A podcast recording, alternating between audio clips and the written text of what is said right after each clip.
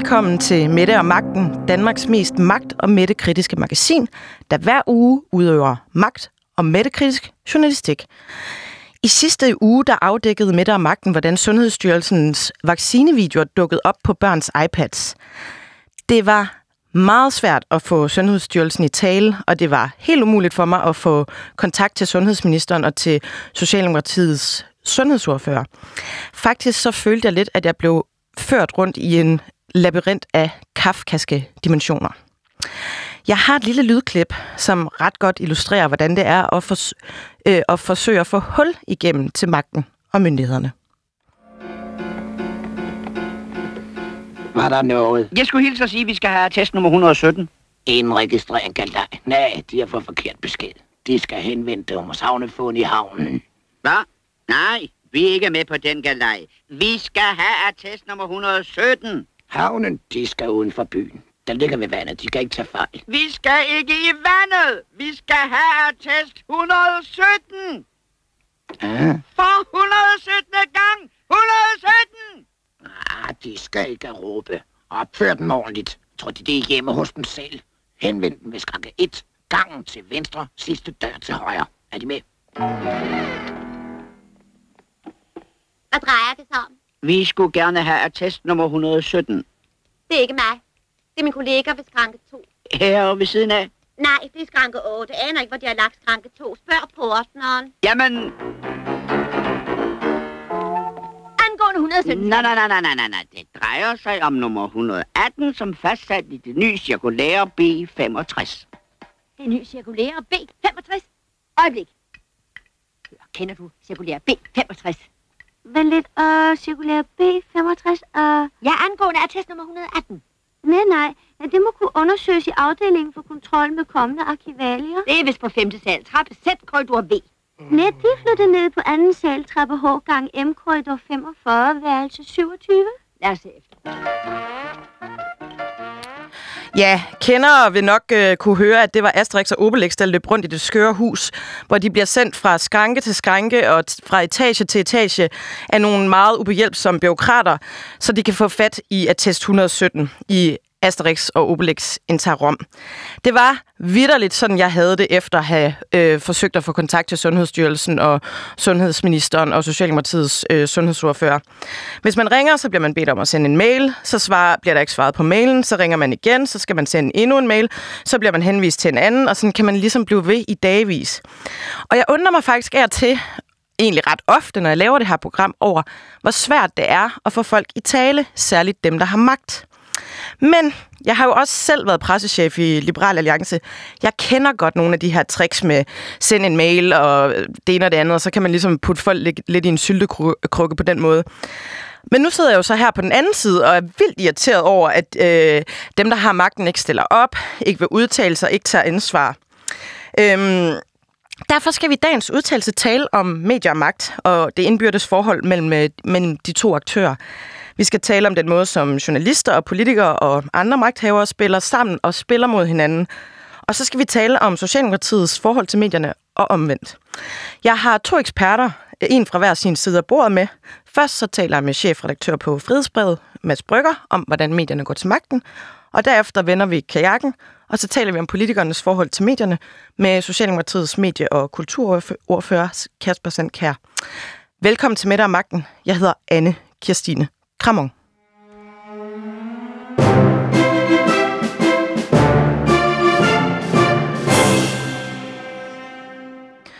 Vi starter altså med medierne mod magten. Mads Brygger, du er chefredaktør på Frihedsbrevet og har været en fast bestanddel af mediebranchen i mange år.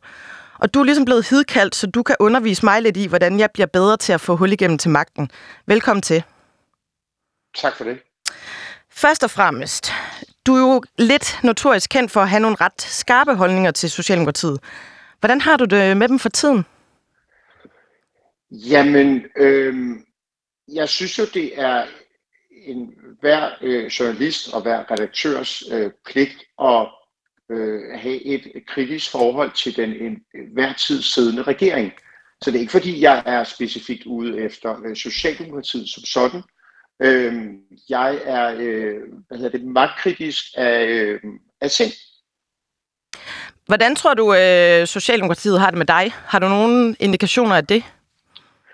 Jamen det har jeg. Altså jeg, jeg, jeg kan klart fornemme, at, at det man altså øh, lufter kritik af Socialdemokratiet, øh, alene det, at man stiller kritiske spørgsmål, øh, hvis man øh, begynder at, at kursere omkring, hvordan de forvalter deres magt osv. I det, I det hele taget, hver form for dissens i forhold til Socialdemokratiet og deres magtudøvelse, det tager de ilde op. Jeg husker blandt andet, at jeg var med i P1-debat med Jesper Petersen. Det var før han blev minister, det var dengang han var politisk øh, ordfører, øh, hvor han øh, optrådte på en måde, som jeg nærmest fandt øh, intimiderende, altså hvor han øh, forsøgte at frame mig som øh, konspirationsteoretiker og beskyldte mig for at være en uvederhæftig journalist. Jeg opdagede undervejs, at enten han selv eller hans folk havde gennemgået hele min Instagram-historik, øh, simpelthen finkæmpet dem for at finde øh, ting, jeg havde sagt øh, og skrevet omkring Socialdemokratiet. Øh, Blev det bragt op i udsendelsen? Ja, det var, det var en del af udsendelsen her, og så bagefter havde vi en, en, en længere snak, øhm, hvor, hvor, jeg simpelthen, hvor jeg klart fornemmer, at, øh, at de simpelthen ikke bryder sig om journalister, som kritiserer dem grundlæggende. Jeg vil faktisk godt lige indskyde, at jeg selv i P1-debat øh, har oplevet og blevet ringet op af Jesper Petersen efterfølgende. Øh, ah, for at, men... at lige øh, øh, sætte mig på plads, eller hvad man skal sige, på en meget venlig og underspillet måde. Men det er jo sådan en, en form for, hvad skal man sige, intimideringstaktik, når, når politikere begynder at ringe til debattører på den måde. Ja, men, men vi skal heller ikke glemme, at, at før øh, coronanedlukningen øh, og før altså øh, hele diskussionen omkring øh, totalitære strømninger i Socialdemokratiet for alvor tog fart, der var vi jo allerede i gang med den diskussion, fordi der, der var det jo fremme, at øh, Mads Brandstrup, som var øh, dengang øh, hvad hedder det, øh, øh pressechef i øh, Socialdemokratiet, at han havde ligget og ringet og trykket øh, forskere på maven for at øh, simpelthen truppen til tavshed. Øh, så de, øh, hvad hedder det, de, de, de spiller, som man siger på engelsk, øh, hård bold. Men er det, altså, er det bare normalt, at man gør det? Jeg har jo selv oplevet også, øh, nu afdækket sidste uge, den her historie med Sundhedsstyrelsens vaccinevideoer, som blev taget op af flere medier, hvor medierne ligesom kontakter mig og siger, at nu bliver de ringet op af Sundhedsstyrelsen, der vil have ændret i historien og sådan nogle ting. Er det bare helt normal praksis, at man gør det? Det, det synes jeg ikke, det er. Altså, jeg, jeg synes klart, jeg kunne fornemme fra altså, det øh, gamle regime, altså fra Lars Lykke-regeringen til den nuværende regering, der har man kunne fornemme et klart klimaskifte. Øh, at der er kommet en altså, ny sheriff øh, til byen, som gør tingene på en radikalt anden måde. Øh, altså alene det faktum, at, at den siddende regering er den regering, som har øh, allerflest spindoktorer, som bruger allerflest penge på kommunikation, på øh, priming og framing osv., øh, siger jo selvfølgelig noget. Men også den måde, de har indrettet sig på, hvor de har været meget inspireret af øh, Jonathan Powell, som var øh, Storbritanniens første øh, stabschef, som øh, opretter det, man kalder et altså stand and deliver kabinet, som er en falangs af kommunikationsfolk og spindoktorer, som er i stand til at reagere på øh, hvilken som helst en situation øh, til hver en tid. Øh, så det, det har vi fået tilsvarende i Danmark, og så altså på en måde, som er meget strømlignet og fuldstændig topstyret fra statsministeriet. Der er ikke længere nogen, der handler på egen hånd. Øh, alt er ligesom øh, rangordnet og samordnet.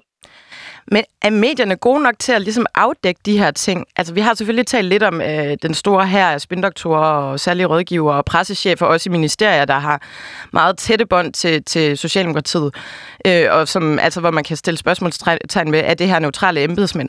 Men er medierne gode nok til at afdække det her, så befolkningen ligesom også får et indblik i, hvad det er for et øh, øh, cirkus?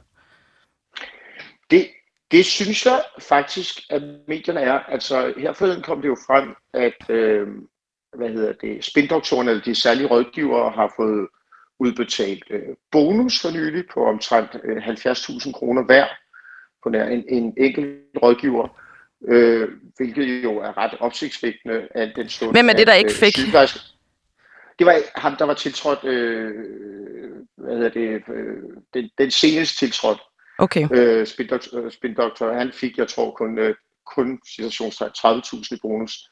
Øhm, men altså, ret opsigtsvækkende er alt den stund, at, at sygeplejersker jo ikke engang har fået et, et, et honninghjerte i år. Øhm, jeg synes også, altså, et, et slående eksempel på, hvordan de arbejder, det er jo for eksempel øh, et, et meget aktuelt eksempel, det er øh, Berlingskes økonomiske redaktør øh, Ulrik Bie havde en øh, kommentar i Berlingske, øh, hvad hedder det, i går aftes om, øh, hvad hedder det, øh, den, den seneste beslutning om at lukke landet op øh, med Frederiksen og hvad det betyder for dansk erhvervsliv osv. osv. Det er ikke en ekstrem kommentar. Det er ikke sådan, at man tænker, at Ulrik Bie er en sølvpapirsat. Øh, og der er så David Tarp, en af Hans Bo Jørgensens øh, særlige rådgiver, han er så ude at skrive, øh, at, øh, at her har vi en, altså WTF, en, en, en what the fuck kommentar fra en borgerlig coronablogger, kalder han så Ulrik Bie. Og Ulrik Bie, han, han, han er jo ikke coronablogger, han er økonomisk redaktør på Berlingske. Så det er klart et forsøg på, altså på en meget, hvad skal man sige, diskret måde at beklikke hans øh, karakter. Det, det er et put-down på Ulrik Bie og et forsøg på at få ham til at fremstå som en ekstrem figur, hvilket han jo absolut ikke er. Nej, og det er jo lidt odiøst, samtidig med, at øh, vi jo for nylig hørte Mette Frederiksen øh, tale om den hadske og Trump-agtige retorik, der bliver brugt. Øhm, er, er, er regeringen i dine øjne lidt med til selv at, at puste til, til bålet, eller hvad man skal sige, i forhold til at, at skabe en, en hård retorik i, det offentlige, i den offentlige debat? Øh, i, i, I den grad synes jeg, det er jo det forekommer jo paradoxalt, at de igen og igen snakker om, øh, hvor meget den demokratiske samtale ligger dem på sinde. Øh, at vi skal have en demokratisk samtale, og at den er meget afgørende osv. Samtidig med, at de øh, altså, som regel ikke selv ønsker at deltage i den demokratiske samtale, øh, og de igen og igen altså, øh, hvad hedder det, takker nej, hvis de bliver øh, budt op til dans. Øhm, og hvad hedder det? Og de så også altså, er så øh, ømskillet, som de er, og reagerer meget voldsomt på kritik, kritiske spørgsmål osv., og også har en, en slående uforsonlighed, altså at de, de, de husker kritik, og øh, er meget lidt øh, er villige til at tilgive, hvad de opfatter som øh, et forsøg på at, øh, at skade dem. Ikke? Ja. Øhm, Ja, for en ting er vel, at, at bølgerne af og til går øh, lidt højt mellem medier og politikere, det gør de jo. Øh, men det der med, at, øh, at det er svært at mødes igen. Altså, er det, øh, kender du til tilfælde, hvor øh, journalister eller medier bliver boykottet?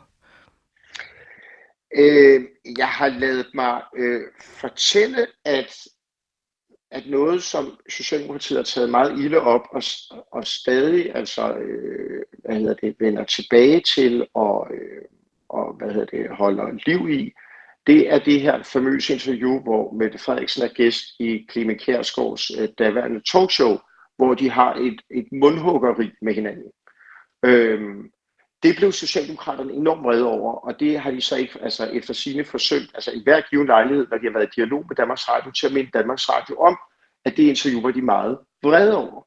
Øhm, hvilket er et godt eksempel på dels altså den her uforsonlighed og den her øh, nærmest ja, er mangel på bedre hævngærighed, som karakteriserer partiet. Ja, i forhold til... Altså, jeg har jo problemer med at få dem til at, at stille op. Nu skal det retfærdigvis siges, at jeg senere i udsendelsen har en vaskeægte socialdemokrat med, Kasper Sandkær. Øh, men, men ellers er det nærmest umuligt for mig. Er der en eller anden speciel måde, man skal opføre sig, eller er der noget, man kan gøre, eller hvordan får man ligesom hul igennem til, til Socialdemokrater? Oh, det, det, det er et, et, et godt spørgsmål, men, men svært at besvare, og hvor vil jeg ønske, at jeg havde øh, øh, kogebogen. Altså, øh, er det fordi, det er dumt at være kritisk over for dem? Er det der, øh, jamen, det, det, der er en sten i skoen? Det, det virker som om, at de har en, altså et, et, et, et realitetsprincip, eller en, en virkelighedsopfattelse, som er, at, at pressen grundlæggende er imod dem, og at, at pressen grundlæggende er øh, højredrejet, at de ikke har nogen venner blandt medierne, så kan man så spørge, jamen, hvorfor skulle de overhovedet altså, have venner blandt medierne? Fordi øh, medierne skal jo øh, per definition ikke være, være venner med et specifikt parti. Men de har som altså per default mode mistillid til medierne. Øhm, og det, det skader jo deres, øh, deres relation til, øh, til, til, til mange medier. Øhm, hvorfor de jo så også har øh, for, forsøgt sig med det her øh, bizarre øh, Pio Pio-projekt. Øhm, altså... Pio Pio, som er en, øh, en socialdemokratisk øh, avis, som også ja. får mediestøtte til at, at videreformidle øh, Socialdemokratiets politik. Ja, og som jo gang på gang bliver øh, taget i at bedrive, øh, mildt sagt, øh, bizarre øh, journalistik, eller journalistisk virksomhed. Ja, der har været tilf- øh, tilfælde, hvor den tidligere chefredaktør øh, Jens Jonathan Sten blandt andet har siddet med til møder ved Socialdemokratiet, efter han så har taget sin pressehat på og er gået hen på den uvildige avis øh, Piu Piu. Sådan, sådan nogle ting. Præcis. Øh, jeg synes, det var interessant for nylig at se Mette Frederiksen uh, gæste Ekstrabladet. Ja, hvorfor var det øh, interessant? Fordi at øh, hvis man kender lidt til altså Socialdemokratiet og deres relation til medierne, så ved man, at, at Ekstrabladet er en avis, de bryder sig meget lidt om. Og man skal jo ikke være øh, øh, hvad hedder det, øh, forsker i øh, kropssprog og, og menneskelige relationer for at have forlevet, at der for eksempel ikke er den bedste kemi mellem Mette Frederiksen og øh, Brian Weikart, Mette Frederiksen og Henrik Kvartrup, øh, og så videre. Øhm, at Mette Frederiksen altså øh, efter øh, en, en, en pinlig øh, hvad hedder det, øh, ventetid øh, vælger at gæste Ekstrabladet for dels at modtage den her nytårstorsk, som hun øh, også vandt forrige år, men ikke vil have. Øh, derpå for at give en blomsterbuket til øh, kavlingvinder Thomas Fugt, der har været med til at vinde en kavlingpris for en øh, historie, som jo har påført regeringen et, et, et, et, et alvorligt sprække i pansret. Og så til sidst... Det er historien op. om Syriens børnene, der, skulle, der blev hentet hjem, bare lige til de lytter, ja, der ikke er med. Om Syriens børnene, som, som jo er enormt pinligt for regeringen. Og så øh, slutligt at stille op til et øh, live webcast interview med Brian Weikart. Det har ikke været nemt for Mette Frederiksen, og der er jo virkelig skulle sluge nogle kameler, og det vidner måske også om en, en tiltagende desperation hos partiet. Øh, hvad, hvad består den desperation i? Nå, men det er jo, at de i forhold til al den altså, øh, medvind, de havde i starten af nedlukningen, og den øh, altså, vækst, de oplevede, at der er de lidt, altså nu er de jo tilbage ved udgangspunktet, og, og så har de jo også haft et, et virkelig dårligt kommunalvalg. Øhm, valgkampen er gået i gang, altså der, der, der, der skal jo snart altså, øh, afholdes et, øh, et folketingsvalg, Øh, og, og derfor er man jo nødt til at, øh, at stille op og give sig til kende i medierne. Øh, så vælger hun så på, på, på, på samme dag jo både at gæste Ekstrabladet og øh, hvad hedder det, God Aften Live på TV2, som jo er en, en, en dræberkombo, hvis man vil i kontakt med folkehelden. Ja, altså det ser vi jo flere eksempler på. Jeg husker også øh, for et par uger siden, hvor Ane Halsbo Jørgensen, kulturministeren, ikke ville stille op til interview med Berlingske om nedlukningen af kulturlivet, men, og det kunne hun ikke, øh, eller hun aflyste et interview, fordi hun skulle i God Aften Danmark. Så det er lidt et, et go-to place, når man har en, en, en træls sag. Ja, altså de er jo, de er jo meget glade for øh, hvad det, God Aften Live, øh, øh, aftenshowet og måske til nød øh, lige på øh, hvad hedder det, TV2 News, men går så vidt muligt uden om, øh, hvad hedder det, øh, øh, øh, kritiske interviews i Berlingske Politikken, Jyllandsposten og så fremdeles. Går de udenom frihedsbrevet? For, øh, så, så vidt muligt også, det er klart min fornemmelse. Ja. Øh, og så foretrækker de selvfølgelig øh, at, at kommunikere direkte gennem sociale medier, øh, Instagram, Facebook osv. Ikke? Jeg, øh, forleden, øh, da Per Christensen, øh, 3F's nu afgået formand, øh, han, havde, han lagde et Facebook-opslag op, hvor han øh, forklarede øh, sin side af historien i forhold til, at han har gennem en, en del år levet et dobbeltliv med, med flere kærester og koner. øhm, og hvor han ligesom selv forklarede, og at, øh, at, at fortalte, at BT ville lave en historie om det. Og der var der flere øh, socialdemokratiske ministre, der blandede sig i kommentarsporet. Blandt andet skrev øh, Kåre Dybvad Bæk en, en opbakkende besked, som han så senere gik ind og redigerede, øh, hvor han skriver, at han synes, at hans besked øh, til Per Christensen øh, var skrevet, fordi han synes, at der er en tendens til, at politi- eller medierne går lidt for tæt til politikerne. Øhm, mener du også det? Og at medierne dykker for meget ind i politikernes privatliv, at det kan være derfor, de øh, ikke har lyst til at stille op? Nej, det mener jeg grundlæggende ikke. Jeg mener også, at hvis, hvis, hvis det endelig er sandt, så er politikerne selv med til at, øh, at forstærke den proces, alt den stund, at de viser sig selv og deres privatliv frem i tid og utid på sociale medier. Øh, Peter Hummelgaard gør det, øh, Mette Frederiksen gør det, Astrid Krav gør det med øh, en strøm af selfies, og vi er med i køkkenet og ser bagværk og, og, og så videre, øh, børnetegninger og øh, så denne, hvad skal man sige, opløsning af det, altså af grænsen mellem den offentlige og private personer, den er de selv med til at forstærke.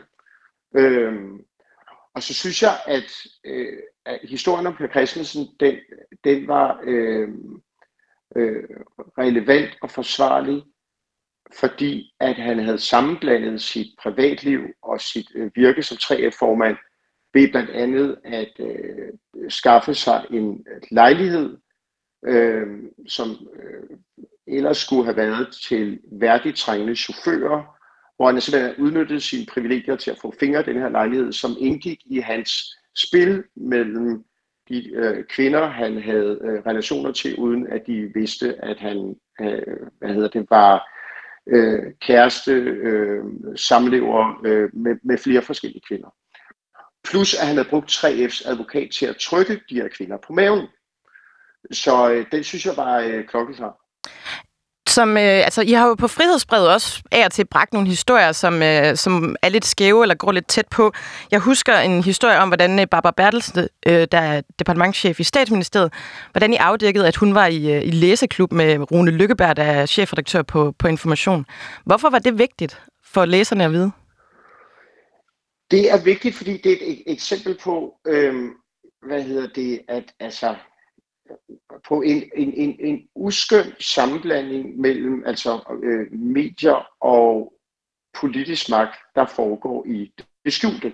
Og det er noget, man skal være særlig opmærksom på i et lille land, der kun har én offentlighed, som for eksempel Danmark. Øhm, som udgangspunkt kan man sige, at det er Barbara Bertelsen øh, har en brustlæseklub sammen med øh, Rune Lykkeberg, øh, Bo Lidegaard, øh, Jens Stein Petersen øh, med flere. Og deres koner, skulle jeg hilse at sige. Jeg har haft Lykkeberg i studiet og spurgt ham ind til, hvor langt det var nået. Han var meget skuffet. Hans kone er meget skuffet at hun aldrig bliver nævnt i den her sammenhæng, skulle jeg hilse ja, at sige. det er, det er medfruer. Yes. Øhm, det er, jo, det er jo som udgangspunkt øh, fint og godt. Man kan jo ikke have noget imod, at, at, øh, jamen, at, at folk øh, læser skønlitteratur. Øh, så kan man også øh, hvad hedder det, notere sig, at det næsten lyder som et afsnit af, af, af Klovn. Øh, men det, som gør, at, at jeg finder det altså journalistisk interessant og relevant, det er jo, at man, altså, at, at man, og med man mener for eksempel Rune Lykkeberg, med sin regelmæssige omgang med Barbara Bertelsen, jo uundgåeligt kommer til at udvikle en sympati for hende. Øh, det er i hvert fald en risiko, en sympati, man ikke skal have som øh, chefredaktør for information. Øh, der er også en risiko for, at, at Rune Lykkeberg gennem sin omgang med Barbara Bertelsen kommer i besiddelse af en fortrolig og hemmelig viden, som han ikke kan dele med øh, sine journalister og med sine læsere. Øh, og det, det synes jeg er øh, problematisk, at en øh, chefredaktør øh, bringer sig i øh, den situation. Ja, altså den her omgang med, med, mellem medier og magt. Danmark er jo et lille land, øhm, og, og det er jo også, altså medier og politik er også på en eller anden måde øh, lidt en fætter kusinefest. Jeg har jo selv været i Liberal Alliance, nu står jeg her og laver det her program. Bjarne Korydon, øh, tidligere socialdemokratisk minister, er chefredaktør på Børsen. Hans mm. Engel, øh, der er alle mulige. Noah Reddington, der skriver i, i, som kommentator i politikken. Og, altså, der, der er sådan en stoleleg, hvor man ligesom kan skifte banehalvdel. Er det i orden? Det synes jeg, øh, grundlæggende ikke det er. Øh, og så er der selvfølgelig nuancer imellem, men altså svingdøren mellem medier og politik er, er noget, man skal være meget opmærksom på. Øh, og vi ser jo igen og igen, at det kan være et problem. Ja, altså, det var for eksempel helt åbenlyst et problem, at Hans Engel blev øh, chefredaktør på Ekstrabladet, og lige pludselig opstår der en situation, hvor øh, to af avisens journalister i forbindelse med Dan Lynge-sagen er i gang med at øh, og, hvad hedder det, udbore, hvad den handler om, og lige pludselig så går det op for dem, at øh, den person, de i realiteten er i gang med at undersøge, det er deres øh, chef, som tidligere var justitsminister. Øh, det, det er et meget mærkeligt øjeblik, øh, og et, et, et, hvad hedder det, åbenlyst eksempel på, at man ikke kan have en chefredaktør, som har en hemmelig og fortrolig viden, øh, som ikke kan deles med øh, avisens øh, journalister og avisens læsere. Bo Lidegaard som chefredaktør på øh, Politiken er også et eksempel på, at, at der var noget galt. Øhm, han, han vidste jo ting fra centraladministrationen, for eksempel om Mohammed-krisen, som han øh, var nødt til at holde fortroligt. Øhm, Hvad var Bo Lidegaards øh, rolle i centraladministrationen? Det skal jeg lige være med på. Nå, nå men han var jo, øh, hvad hedder det, øh, hvis jeg husker rigtigt, øh, en, øh, en rådgiver for øh, Anders Fogh Rasmussen. Ah, yes. Øh, hvad hedder det? Øh, og så er der jo altså øh, øh, Bjarne Korydon som øh, chefredaktør for, øh, for børsen. Øh, hvad hedder det? Altså Bjarne Korydons mange øh, talenter og evner ufortalt. Så har vi jo også her et eksempel på en, øh, en tidligere finansminister, som har indsigt i fortrolige forhold og ting, som han ikke kan dele med øh, læsere og sine journalister. Øh, alene mistanken om, at han ved noget, som han holder skjult, er til skade for øh, avisen, synes jeg. Øh, og man ser jo også igen og igen, at Bjarne Korydon som udgangspunkt næsten altid er på systemets side, på statens side, på statsmagtens side. Det er meget sjældent at høre Bjarne Korydon, øh, eller læse Bjarne Korydon, gå op imod Slottholmen. Og der, det tror jeg simpelthen skyldes, at han er øh, dybest set øh, miljøskadet og præget af sin tid som blandt andet finansminister. Det er jo også tankevækkende, at han omgiver sig med, øh, hvad hedder det, øh, øh, Nikolaj Sommer, som tidligere var leder af regeringens superspændighed, øh, som nu er, er, er nyhedsdirektør på børsen. Det synes jeg ikke er klædeligt, at, øh, at hvad hedder det, at en, at en person, der har som, som job at stikke, altså groft sagt journalister blå i øjnene, at han nu er nyhedsdirektør. Øh, altså det, det, det, altså, og sådan kan blive ved. Der er mange eksempler på det, og jeg, jeg, jeg synes, det, øh, det er et problem. Lige øh, her til sidst, er der en... Øh, nu har vi talt om det her med, at, at de er dårlige til at stille op, og måske ikke... Øh, og måske er lidt porøse Socialdemokraterne, når, når det gælder medierne. Men er der en socialdemokrat, du vil rose for faktisk at, at stille op, når det er nødvendigt? Øhm, er der det? Mm. Altså, jeg kan ikke...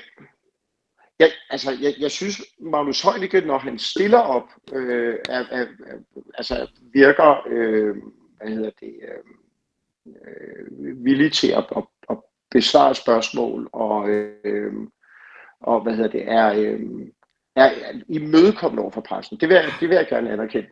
Men, men altså, det er jo også tankevækkende, at man jo ikke kan... Øh, altså, i, i talestund kan jeg ikke komme i tanke om altså, øh, sociale, social, prominente socialdemokrater i regeringen, som, øh, som stiller op øh, i, i tid og utid. Det, det, det, det plejer at være en kamp at få dem i tale. Er der en, altså hvem, hvem er i din optik aller, aller dårligst til det? Hvem burde øh, virkelig lige komme lidt mere ud af busken? Jamen, det er jo selvfølgelig ved Frederiksen. Ja. Øh, hvad hedder det? Øh, hun er jo notorisk svær at få i tale. Øh, og det, øh, hvad hedder det, øh, det er et, øh, et problem for regeringen, og det er jo, altså selvom det er jo det, der er deres erklærede mission, til skade for den demokratiske samtale. Til skade for den demokratiske samtale. Lige til aller, aller, aller sidst. du er ved at skrive en bog sammen med Henrik Fortrup om Martin Rossen. Hvordan går det med den bog? Jeg synes, vi har hørt om den i, i et stykke tid, uden der rigtig sker noget.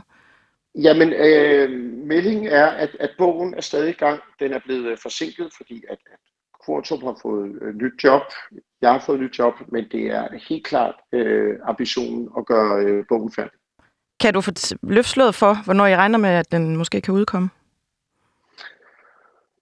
Øh, jeg kan sige så meget, at, at det er øh, ambitionen at aflevere manus i år. Godt. I indeværende år simpelthen. I indeværende år. Yes. Tak fordi du øh, stillede op, Mads Brygger, chefredaktør på øh, Frihedsbrevet. Det var en fornøjelse. Skulle det være en gang. Der bliver jeg nødt til at stole på mig. Jeg er landets statsminister. Jeg dækker ikke over noget. Nu skal vi stå sammen ved at holde afstand. Og det er vores klare overbevisning, at vi hellere skal handle i dag, end at fortryde i morgen. Ting kan godt se mærkeligt ud, uden at de er det. Der kan være råd en finke af panden, og mere end det. Lev med det. Lev med det.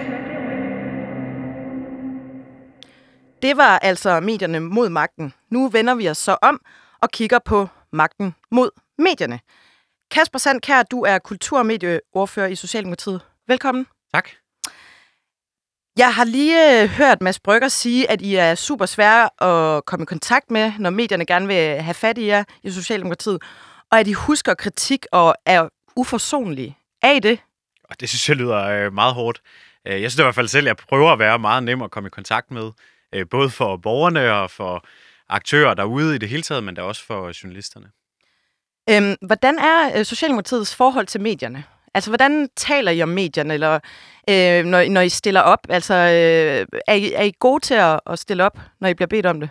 Jamen i virkeligheden er der jo to veje, synes jeg, ind i den diskussion. Ikke? Det ene er jo sådan, hvad kan man sige, sådan mere mediepolitisk, hvor man jo må sige, at vi er i en tid, hvor at brydningerne i demokratiet på en eller anden måde begynder at presse sig på. Vi ser en mere og mere polariseret debat. Tech-giganternes algoritmer overtager i højere grad magten over nyhedsbilledet. Altså som mediepolitisk har vi jo et kæmpe stor opgave foran os i at styrke øh, de danske medier, styrke deres position, sørge for, at danskerne læser dem, frem for at læse alt muligt, man finder øh, nede i, i, i kommentarsporet på de sociale medier osv. Så, så for sådan demokratiet tror jeg egentlig, vi står i en meget vigtig værdikamp, hvor vi står skulder med skulder med medierne, øh, for at deres rolle i demokratiet, både som vagthunde øh, over for magten, som øh, dem, der kan udfordre sådan nogen som mig og mine kollegaer, men, men jo også til sådan den almene generelle oplysning af, af borgerne om, hvad er det egentlig, der foregår i Danmark og i, og i verden. Ikke? Så det er jo sådan den ene, den ene vej, hvor vi jo er meget optaget af, hvordan vi kan styrke medierne. Allerede har, synes jeg, taget nogle skridt og kommer også til at adressere det, når vi om lidt skal i gang med et nyt medieforlig. Og så er der selvfølgelig den der hverdags, kan man sige, omgang med øh, medier og journalister. Ikke? Og der må man jo også sige, at vi har et mediebillede nu, hvor der er kommet rigtig mange øh, forskellige medier.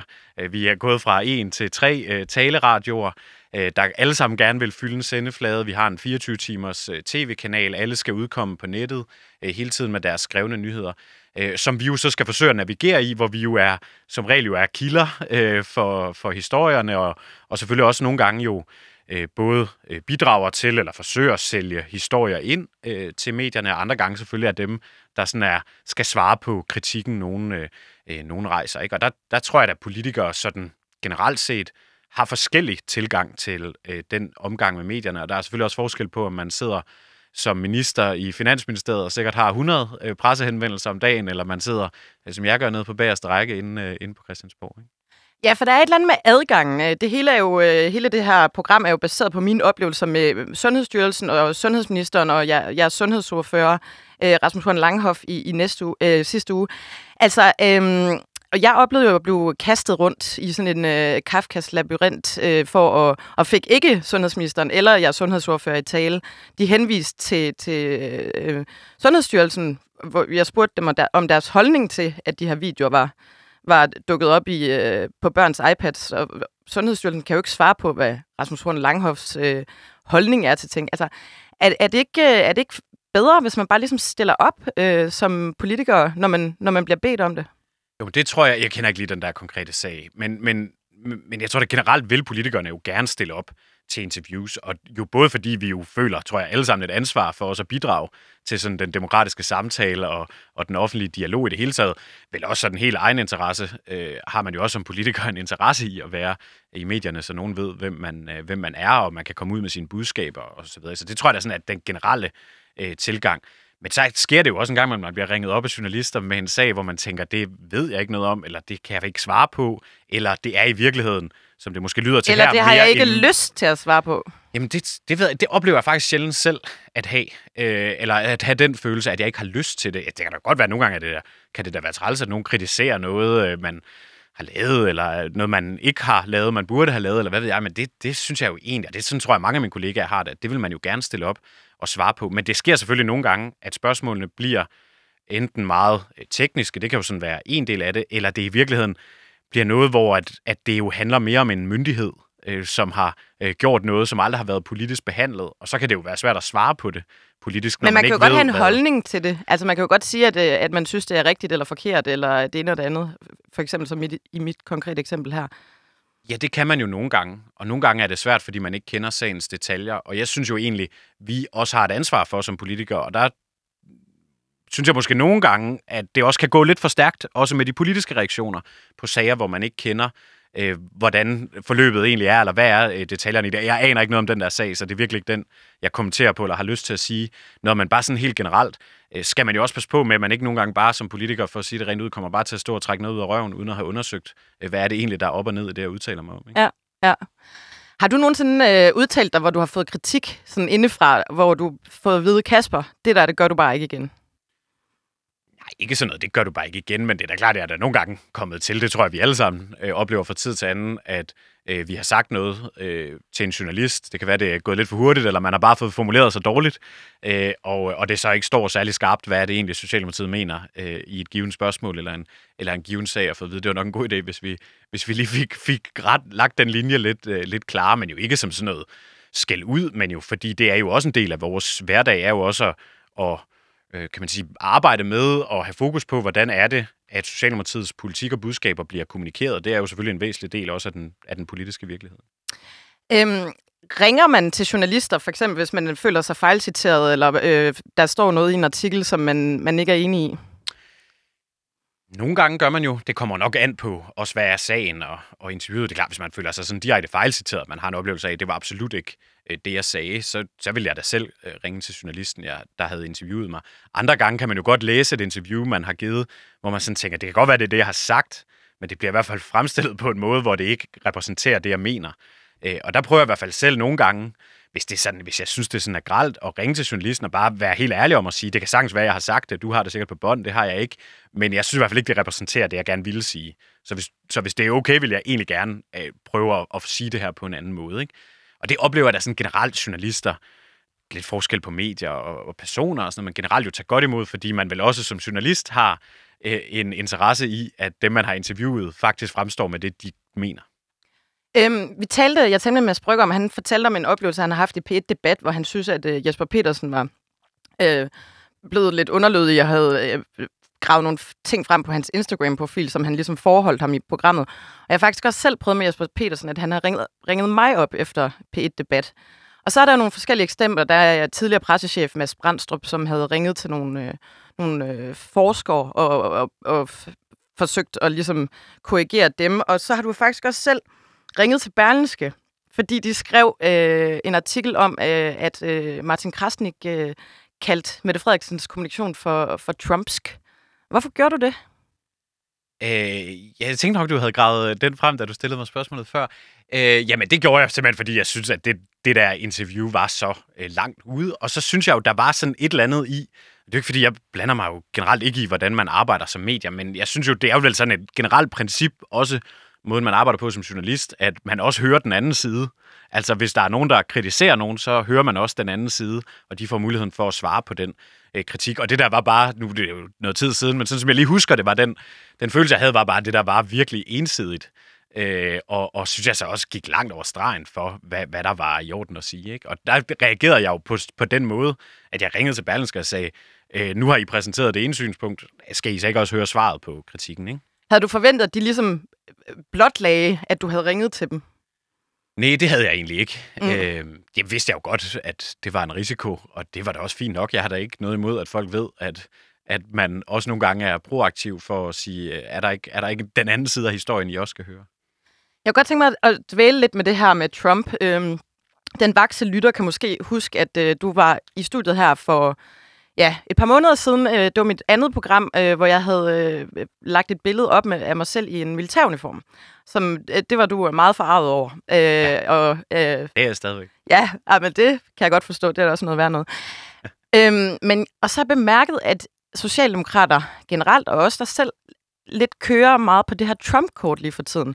At højrefløjen ligesom er Trump, at venstre er Trump. Øh, altså alle, som ligesom kritiserer jer, er Trump.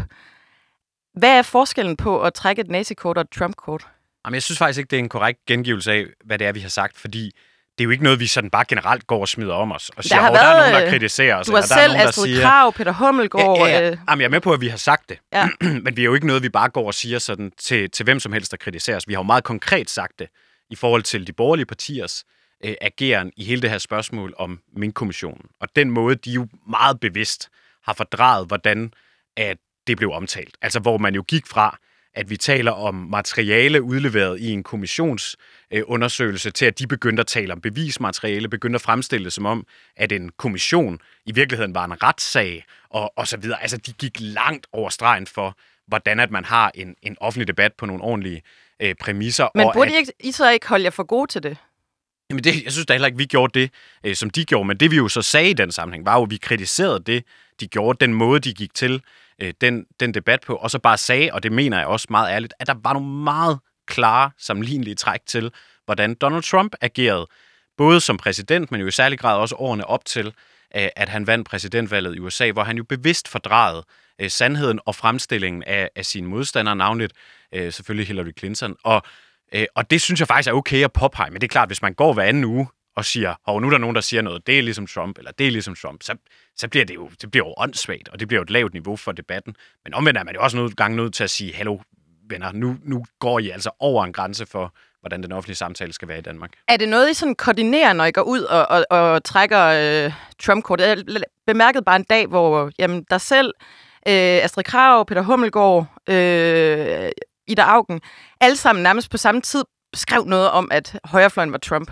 agtige Er det sådan noget, I sidder til et gruppemøde, eller er det pressetjenesten, eller hvem siger ligesom, nu tager vi det uh, Trump-kort, og så smækker vi det på bordet? Æh, øh, nej, nej, altså gruppemøderne bruger vi jo først og fremmest på at diskutere politik, øh, og ikke så meget, hvad der skal skrives på Twitter. Det, det er jo meget hvad enkelt, der gør dem. det er jo klart, at vi er jo kollegaer og mødes jo i løbet af en dag øh, flere gange, og, og har jo alle mulige samtaler om, hvordan vi synes, det går, og jo også bare deler øh, hvad kan man sige, sådan analysen af, hvad er det, vi, øh, vi ser. Det er jo sådan, tror jeg, den ene grund til, at der måske lige var fire der samme dag skrev noget, noget andet, er selvfølgelig også, at man jo også lærer sig inspirere øh, af hinanden, og, og, øh, og ser nogen sige noget, som man selv mener, og, og så videre. Ikke? Men det er ikke sådan koordineret Det er ikke sådan, at pressetjenesten har Klokken 10 siddet går du, og klokken 11, og nej, nej, sådan er det. Laver I nogle gange sådan nogle koordinerede ting, hvor pressetjenesten... Man får jo en gang imellem lige et indblik i det, hvis øh, en eller anden politiker har glemt at, øh, at fjerne den tekst, der står øverst, hvor der står, du kan eventuelt skrive på Twitter, kolon. Jeg, øh, Jacob Ellemann gjorde det for nylig på Instagram, øh, hvor... Øh, mm. altså,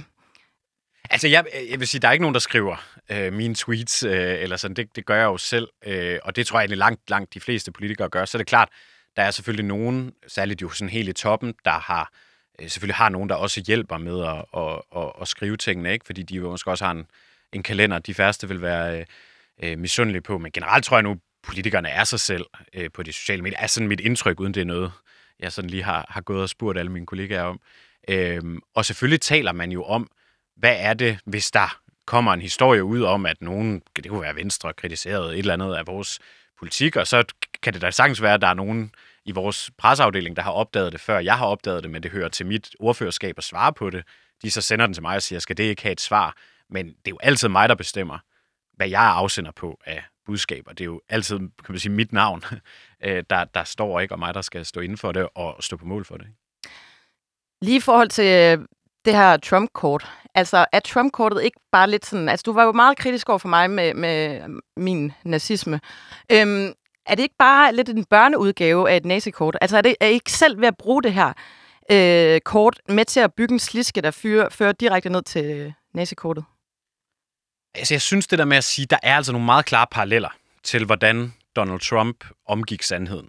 I den meget konkrete måde, som Venstre og de borgerlige partier gik til den der diskussion om inkorporation. Og så er der det andet, som jeg, jeg synes i øvrigt ikke, at der er en sammenhæng måske andet, end at det bare tegner også i en debat, som bliver mere og mere polariseret, og hvor man går til er det yderlighederne for at få sine Er det budskaber ikke frem. polariserende netop at gøre?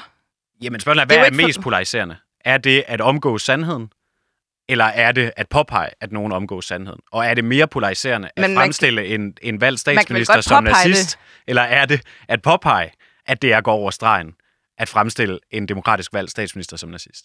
Men, men man kan jo godt påpege det, uden at trække hverken nazi- eller uh, Trump-kortet.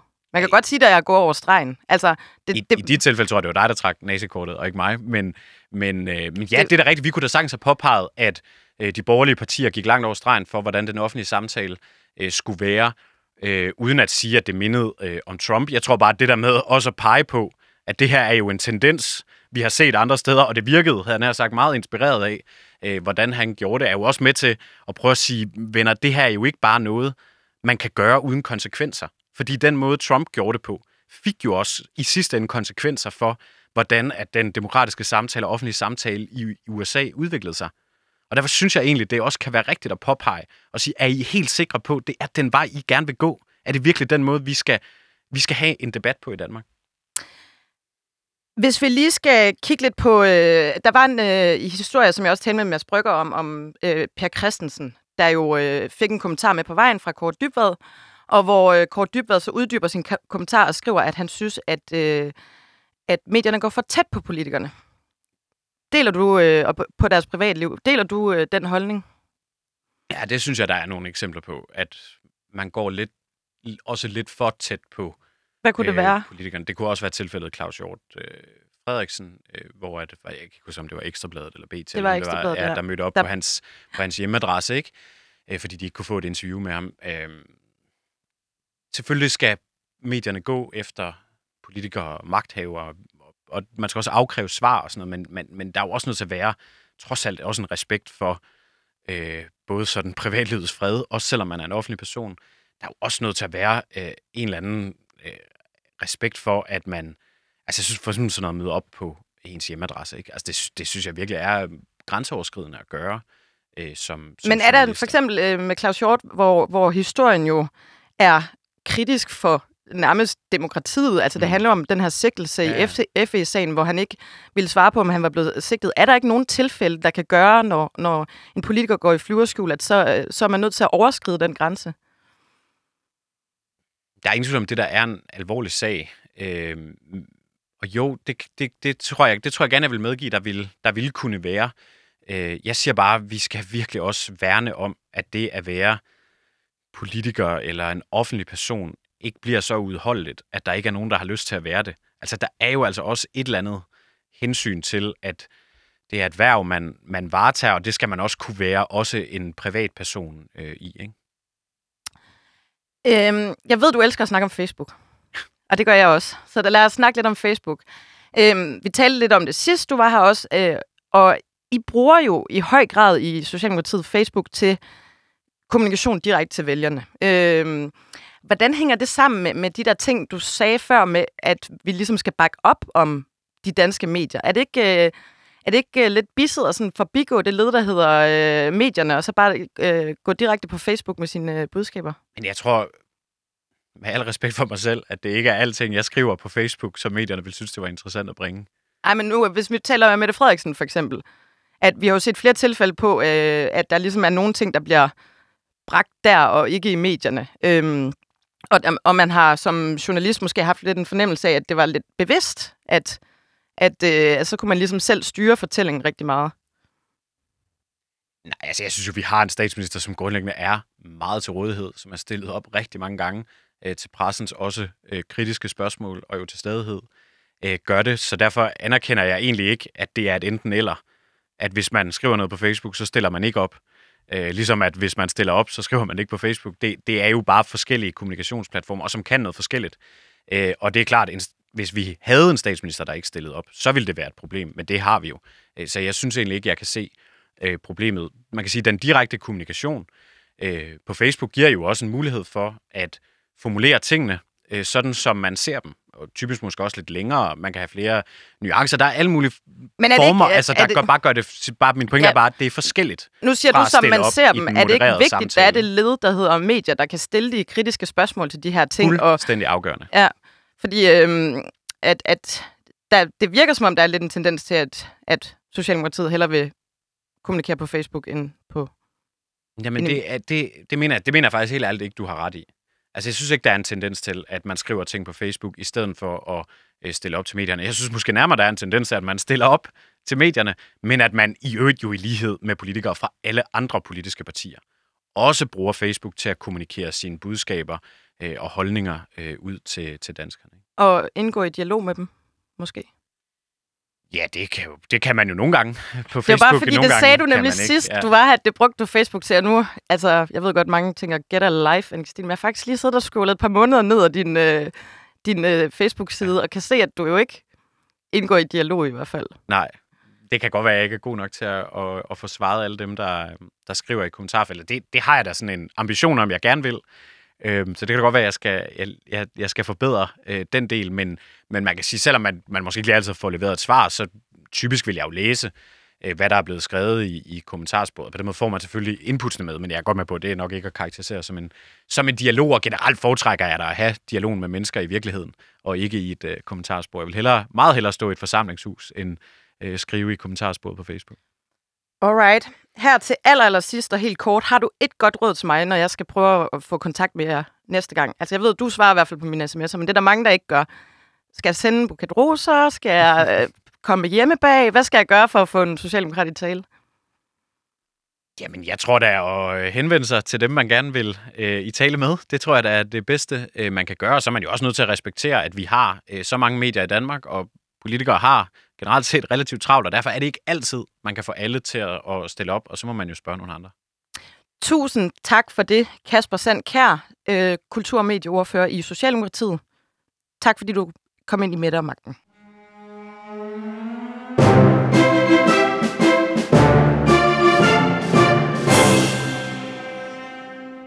Det var alt, hvad jeg havde valgt at bringe i denne her udgave.